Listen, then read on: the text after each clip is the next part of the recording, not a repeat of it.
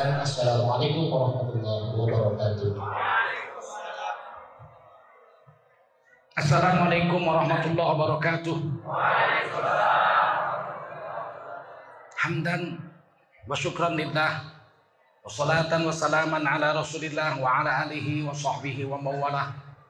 Allahumma salli wa sallim ala hadha nabiyil karim sayyidina wa maulana Muhammadin wa ala alihi wa sahbihi ajma'in. Amma ba'du qala Allah ta'ala fi kitabihil karim أعوذ بالله من الشيطان الرجيم. بسم الله الرحمن الرحيم. قل إنني هداني ربي إلى صراط مستقيم. دينا قيما ملة إبراهيم حنيفا وما كان من المشركين. قل إن صلاتي ونسكي ومحياي ومماتي لله رب العالمين. لا شريك له. لا شريك له وبذلك أمرت وأنا أول المسلمين قال رسول الله صلى الله عليه وسلم من خرج في طلب العلم فهو في سبيل الله حتى يرجع Baginda Rasul bersabda, siapa keluar untuk mendapatkan ilmu, orang itu adalah orang yang berjihad fi sabilillah sampai dia kembali ke tempatnya. Mudah-mudahan kita semua mendapatkan pahala jihad dari Allah Subhanahu wa taala. Amin. Sadaqallahul azim. Wa sadaqa rasuluhun nabiyul karim. Wa nahnu ala dhalika minasy syahidin wasyakirin. Walhamdulillahi rabbil alamin. Para ulama, tuan-tuan guru yang mulia, khususnya Bapak Ketua Majelis Ulama Kecamatan Deli Tua, Kabupaten Deli Serdang yang dimuliakan Allah SWT.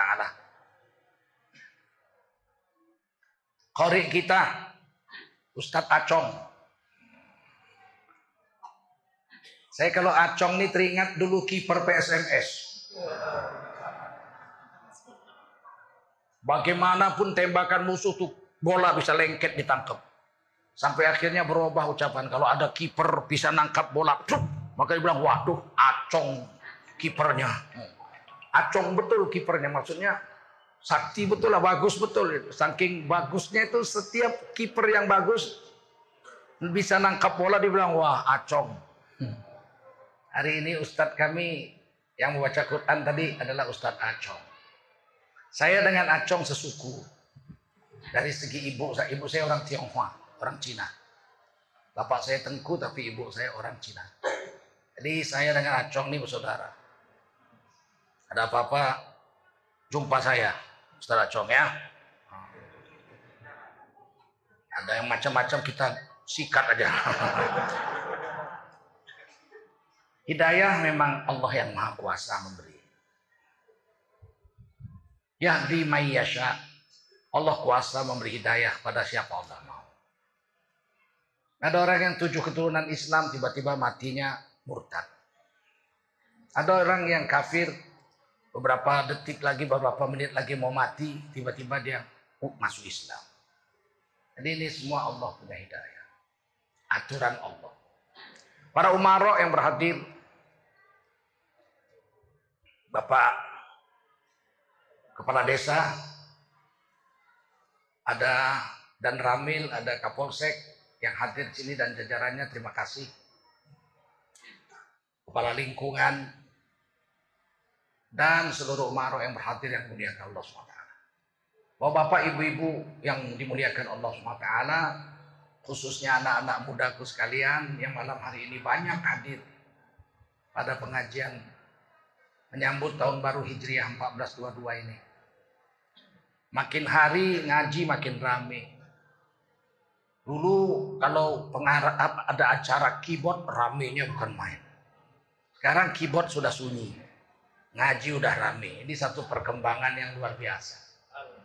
Alhamdulillah. Orang udah mulai senang ngaji, udah nggak suka dangdutan. Tapi di Sumatera, alhamdulillah, dangdutan, keyboard sudah makin surut, makin nggak ada penggemarnya. Ini membuktikan bahwa agama Islam sedang naik. Alhamdulillah. Kalau dibandingkan dengan zaman saya masih kecil, meskipun anak-anak banyak mengaji ke surau-surau, tapi penghafal-penghafal Quran hampir tidak ada. Waktu saya kuliah, saya mengaji dengan Al-Syekh Al-Hafiz Azra'i Abdul Rauf. Sampai beliau wafat saya berguru di situ. Waktu itu Qari Ahmad dari Petumbuhan di Serdang penghafal Quran wafat. Saya sedih sekali karena penghafal Quran tinggal tiga orang waktu itu. Guru saya Al-Hafiz Al-Syekh Azra'i Abdul Rauf. Guru saya satu lagi Syekh Walid Nolai. Juara Musabaqah Tilawatil Quran tingkat Asia Afrika di Bandung tahun 1955. Juara dua. Juara satunya Ajis Muslim. Kemudian yang ketiga adalah Syekh Bahrum Ahmad, Imam Besar Masjid Agung Medan. Tinggal tiga orang yang menghafal Quran. Saya tanya dengan Atu Azroi, guru saya. Atau saya panggil kakek Atu. Kalau Atu wafat, Ustadz Khailid wafat, Syekh Bahrum Ahmad wafat, maka di kota Medan, Sumatera Utara tidak ada lagi penghafal Quran. Bagaimana kira-kira? Lama beliau diam. Saya diliatin gitu. Saya pikir guru saya ini marah. Tiba-tiba matanya berkaca-kaca. Kemudian berkata dia, kasihan kamu nak. Kalau kami bertiga wafat di Medan tidak ada lagi penghafal Quran. Maka seluruh kota Medan ini dari mulai gubernurnya, wali kotanya sampai gembel-gembelnya dilaknat Allah subhanahu wa ta'ala. Karena wajib kifayah setiap negeri itu ada penghafal Quran.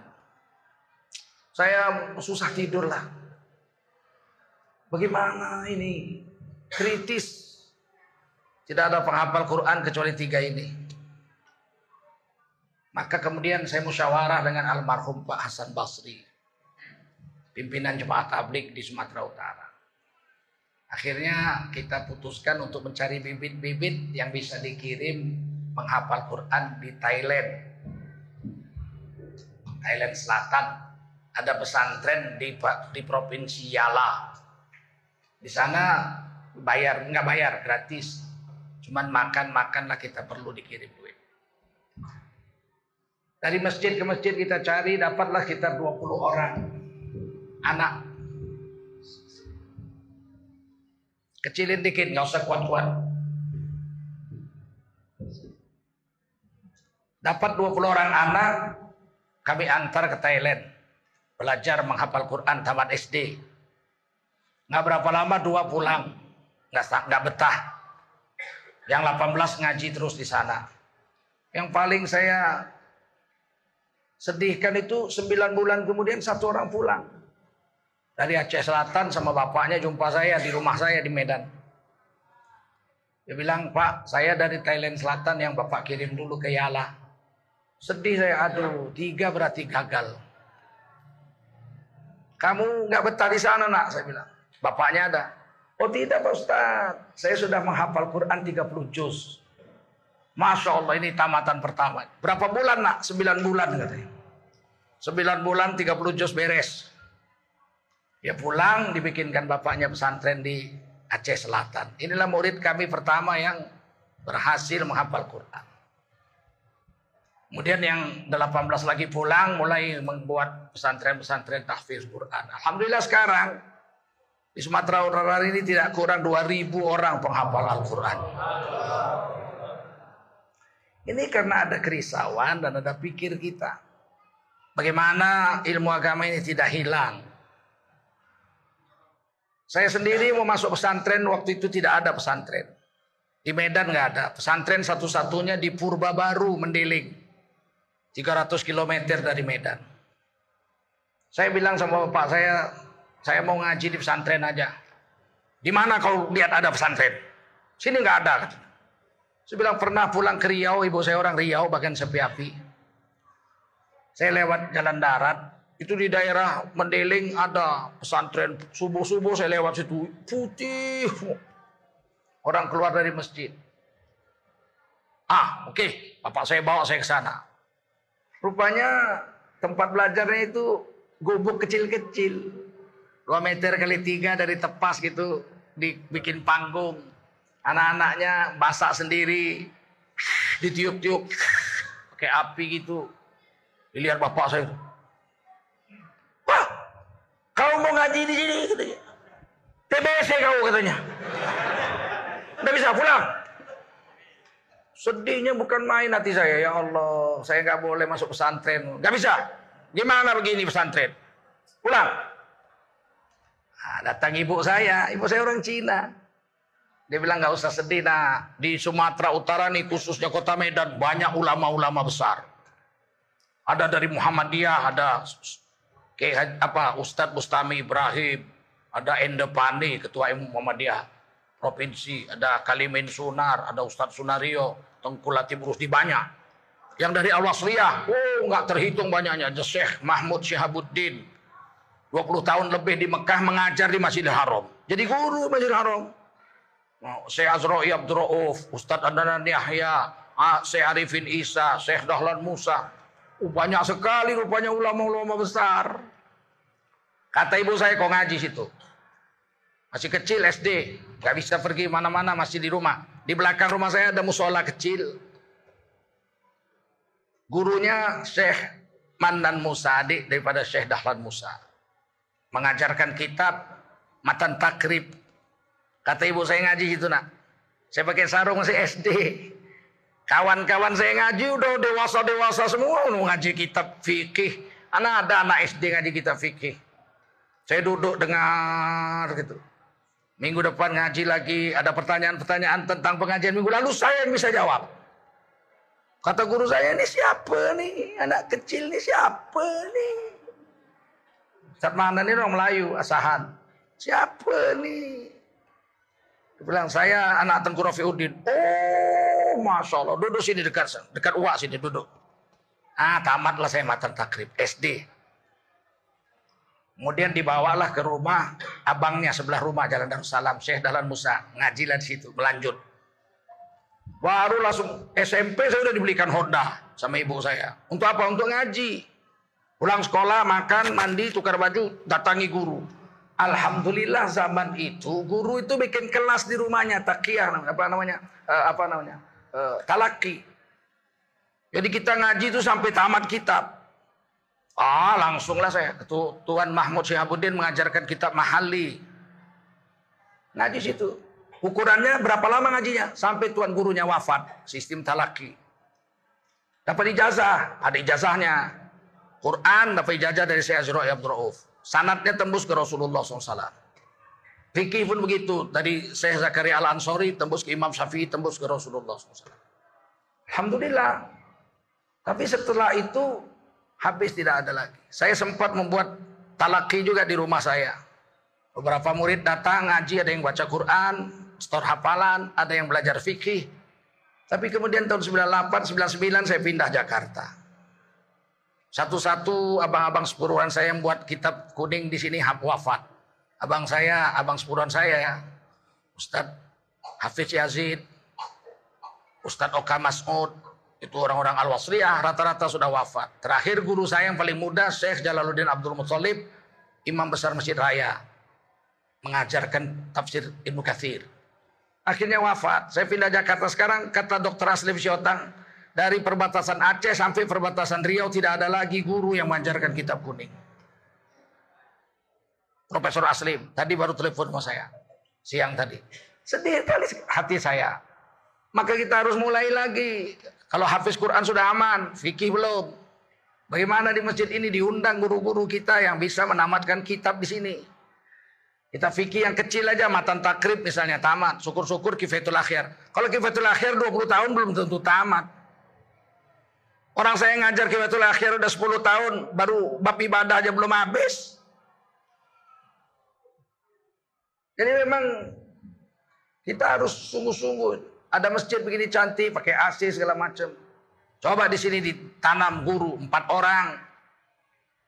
Minggu sekali misalnya ngaji fikih, ada yang ngaji tauhid, ada yang ngaji tafsir, ada yang ngaji sejarah Rasul. Sehingga kita ini ada ilmu, ada kitab.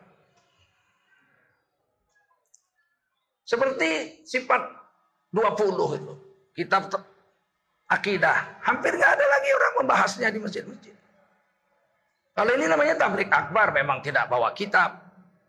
Tapi yang rutin mana? Sehingga akhirnya tauhid orang rusak. Ada yang bilang Tuhan duduk di aras lah. Tiap malam turun ke langit dunia. Sepertiga malam lah. Nanti kalau hari Arafah Tuhan turun ke padang Arafah lah. Kan rusak-rusakan ini. Masa Tuhan bisa naik turun naik turun begitu? Tapi ada ayatnya Ar-Rahmanu alal arsistawa. Iya, Allah istawa di atas aras. Bukan berarti istawa itu duduk. Istawa bukan berarti bertempat tinggal di aras. Kalau begitu macam mana masjid dibilang Ka'bah dibilang Baitullah, rumah Allah. Apa Allah di situ? Tidur situ Allah. Jangan begitu. Kenapa masjid dibilang rumah Allah? Baitun min buyutillah ini rumah Allah. Bukan karena Allah bertempat tinggal di sini. Maha Allah dari memerlukan tempat tinggal. Maha Allah dari ukuran-ukuran waktu dan tempat. Gak bisa waktu dan tempat mengukur Allah, mengurung Allah. Wal Al-zahiru wal batin. Dia zahir, dia batin. Allah itu. Laisa kamitslihi syai'un. Gak ada yang semisal dengan Allah. Nah ini kan perlu dipelajari. Jangan sampai dibilang Tuhan duduk di aras, turun ke langit, turun ke Arafah kalau hari Arafah. Ini kan bahaya. Nah, ini perlu dikembalikan lagi pelajaran ini. Dulu kami belajar itu. Saya di Muhammadiyah aja belajar sifat 20. Wujud, kidam, bakom, khalafatul, hawadis. Itu saya dapat di Muhammadiyah. Saya sekolah dasar Muhammadiyah di Tanjung Sari itu diajarkan itu. Sifat 20 itu. Kita ini akidah kita sunnah wal jamaah, bukan mujassimah. Bukan menganggap Tuhan itu punya tangan, punya muka, punya kaki. Dan kita tidak menganggap Tuhan itu seperti perlakuannya seperti perlakuan makhluk musyabbihah, sifatnya seperti makhluk, nggak ada. Laisa kamitslihi syai'un, nggak ada yang semisal dengan Allah. Betul? Belajar lagi panggil guru. Saya karang lagunya, cuman belum saya rekam. Allah itu ada tanpa tempat, tanpa waktu. Allah juga ada Tak serupa dengan makhluk. Jangan serupakan Allah dengan sesuatu. Jangan permisalkan Allah dengan sesuatu. Janganlah kau katakan Allah duduk di atas aras. Terkadang di langit turun pula ke bumi. Itu paham musyabbihah.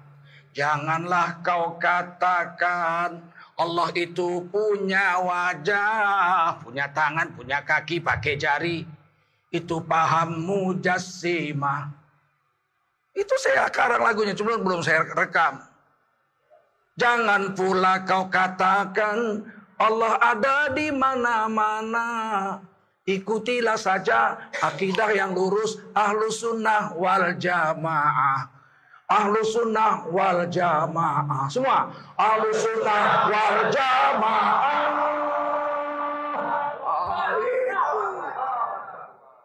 Jadi kita jangan sampai keliru memahamkan tauhid. Tuhan punya tangan pakai jari kan bahaya itu. Jarinya dua. Kan bahaya hati anak Adam berada di dalam di tengah-tengah jari-jari tangan Allah. Ini tik tik tik tik tik begitu. Tidak bisa diartikan begitu. Tak boleh mengartikan hadis dan Quran yang berkenaan dengan sifat Allah secara tekstual. Secara teks, dia harus ditakwil. Kenapa masjid dikatakan rumah Allah? Karena ini rumah yang penuh dengan rahmat Allah. Maka disebut rumah Allah karena rumah yang penuh dengan rahmat Dari mana dapat itu? Dari hadis Nabi. Siapa masuk masjid, langkahkan kaki kanan. Baca doa, Allahumma ftahli semua. Abu Aba, rahmatik. Ya Allah, bukakanlah olehmu untukku pintu-pintu, pintu-pintu. Pintu-pintu, pintu-pintu. Pintu-pintu, pintu-pintu. Rahmatmu. Masjid ini pintu rahmatnya aja banyak. Tentu rahmatnya lebih banyak. Kalau orang Jawa bilang begitu. Orang Jawa kalau bilang banyak, banyak, nggak banyak itu. Kalau orang Jawa tanya, banyak. Uh, banyak. Ah, itu baru banyak. Paham? Kalau orang Jawa tanya, istrimu cantik. Cantik, nggak cantik itu. Istrimu cantik. Wow, cantik. Wah, itu. Masjid ini tempat yang penuh dengan rahmat. Kalau pintunya rahmatnya aja banyak, apalagi rahmatnya pasti lebih banyak. Itu yang maksudnya. Belum, oh, kenapa kalau berdoa angkat tangan? Berarti kan Allah di atas. Iya. Kalau begitu kenapa sholat menghadap Ka'bah? Berarti Allah di Ka'bah begitu. Enak aja kau, sontoloyo kau. Kita jawab, kenapa sholat menghadap Ka'bah? Karena kiblat sholat adalah Ka'bah. Kenapa berdoa mengangkat tangan ke langit? Karena kiblat doa adalah langit. Langit itu kiblat doa. Kan gak enak doa menghadap bumi. Maka berdoa mengangkat tangan ke langit bukan karena Allah di langit. Tapi karena kiblat doa adalah lah, kiblat sholat adalah kiblatnya. Ainama sukifu, ainama sukifu, wasamma wajhullah. Ke mana aja kau hadapkan wajahmu, di situlah wajah Allah. Oh, Allah di situ. Enggak. Tafsir Ibnu Katsir menerangkan wajhullah di situ ai kiblatullah. Yaitu kiblat Allah. Kalau kita di hutan nggak tahu kita mana matahari. Gelap, nggak nampak. Mana ini? Kita mau sholat nih. Menghadap mana ini? Bericitihad aja kita. Ke mana pun kau hadapkan wajahmu, di situ ada wajah Allah. Maksudnya itulah kib. Ya bilang Ibnu Katsir, bukan Tengku Zulkarnain. Ah, ini kalau nggak belajar kita gawat nggak ini? Gawat nggak? Udah macam Yahudi kita, Tuhan ada di langit. Ma, Yahudi pun gitu, Kristen pun gitu. Oh Bapak yang ada di beyond the skies, ya kan? Oh my God, on the seven skies, beyond the seven skies. Orang Kristen kalau doa gitu, ya Allah, Tuhanku yang berada di atas langit yang tujuh. Tetangga dong sama malaikat Tuhan kalau begitu. Karena malaikat banyak di langit. Bukan begitu. Paham? Nggak paham pun nggak apa-apa. Pokoknya udah saya jelaskan. Pentingnya mengaji dengan ula. Ini ada ketua majelis ulama kita. Kasih waktu di sini seminggu sekali kah? Mengajarkan sini. Tauhid, akidah ahlus sunnah wal jamaah. Atau fikih-fikih, oh banyak lah. Tauhid ini yang rusak, yang payah orang. Kita mengatakan Tuhan punya tangan. Karena Quran bilang tangan. Cuman jangan bayang-bayangkan macam mana bentuknya. Iya, kalau udah dibilang tangan beginilah, ya enggak? Kalau begini namanya moncong. Mana? Ya kan Pak? Ah, kalau udah tangan udah pasti beginilah bentuknya, ya enggak? Betul? Kita bilang Tuhan punya tangan, cuma bentuknya kita nggak tahu. Lah kalau nggak tahu kenapa kau bilang tangan? Ayo, Tuhan itu duduk di aras, cuman cara duduknya nggak tahu. Nah, kalau cara duduk begini, kalau di kursi, kalau naik kuda begini, ya kan? Kalau ditikar begini. Nah, ayo. Kalau kita bilang sama anak kita, nak duduk kau nak, itu kan antara dua itu. Berarti anak kita sudah tahu cara duduk dan kita pun sudah ngerti cara duduk. Betul? Duduk kau nak, nah, duduk dia. Anak kita udah tahu cara duduk, kita suruh duduk, kita pun ngerti bahwa duduk itu begitu. Betul? Tapi bagaimana? Tuhan duduk di aras, tapi cara duduknya nggak tahu. Kok kau bilang duduk? Jangan-jangan nangkring. Ini bahaya ini begini-begini nih. Saya nggak tahu kalau kami yang tua-tua ini wafat, bagaimana nasib kalian ini tentang agama ini.